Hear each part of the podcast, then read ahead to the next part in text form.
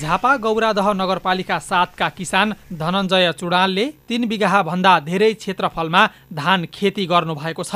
खेतमा धान गोड्ने बेला भइसक्यो त्यसका लागि उहाँलाई हाँसले सघाइरहेका छन्। धान त अब जम्मै झारै झार्थ्यो खेतमा होइन? अब त्यो अहिले हाँसले त्यो तल चुच्चाले त्यो पैतालाले कचच कचच पार गर्दा हेर्दाखेरि झारसार केही पनि देखिँदैन। त्यो आलीको झार सुद्धा पनि नराख्ने। दबाईको रूपमा काम गर्दो रहेछ चुडालले पालेका एक हजार हाँस दिनहुँ धान गोडिरहेको अवस्थामा भेटिन्छन्।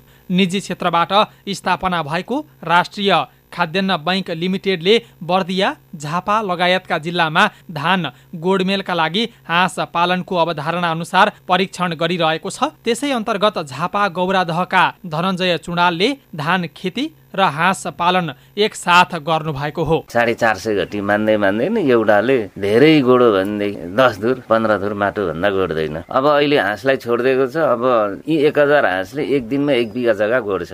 हाँसले आफ्नो चारो खोज्ने क्रममा धान खेत गोड्छन्। धान खेतमा हाँसको चुच्चोले र खुट्टाले गराको माटो चलाउँदा गोडमेल पुगेर धानलाई बढ्न आवश्यक मद्दत पुग्छ।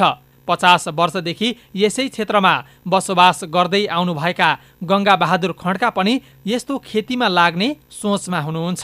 घाँस पालो भनेदेखि धानलाई चाहिँ त्यो तल तल फेद फेदको माटो पनि चलाइदिँदो रहेछ। म यहाँ भन्दैछु एउटा सानो चाहिँ बनाएर एक डेढ सय घाँस पाल्नै पर्ने छ धानतिर छोडिदियो भने गोड्ने रान मल गर्ने काम गरौँ। धान रोपेको बाइसदेखि पच्चिस दिनपछि मात्र धान खेतमा हाँस छोड्न मिल्छ।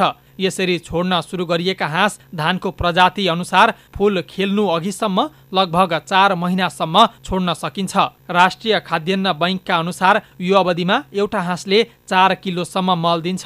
परीक्षणको रूपमा अपनाइएको यो प्रविधिप्रति किसानहरूको चासो बढेको छ। जस्तो कि चार पाँच बिघा खेत हुने मान्छेले सजिलैसँगले त्यो गोडाउन सकिन्छ। र त्यो हाँस पाल्दा हाँसबाट पनि फाइदा हुन्छ। झार मार्ने भयो किरा मार्ने भयो सबै कुरो गर्नका लागि अहिलेसम्म धान गोडी नै राखेको छ। राम्रै देखिरहेको छ अहिले धानको नतिजा पनि। उहाँहरूको हेर्दाखेरि अब पालौँ पालौँ जस्तो। आउँदेखि गर्नु पर्यो भने जस्तो लागिरहेछ मलाई पनि। साधारणतया एक हेक्टर खेतमा दुई हजार हाँस छोड्न सकिन्छ। एकातिर धानको उत्पादन बढ्ने अर्कोतर्फ हाँस पालन समेत हुने यो शैलीको अनुकरण भने जापानिज राइस डग फार्मिङ प्रविधिबाट गरिएको राष्ट्रिय खाद्यान्न बैङ्कले जनाएको छ। नवराज सुवेदी सिआइएन रेडियो साथी झापा।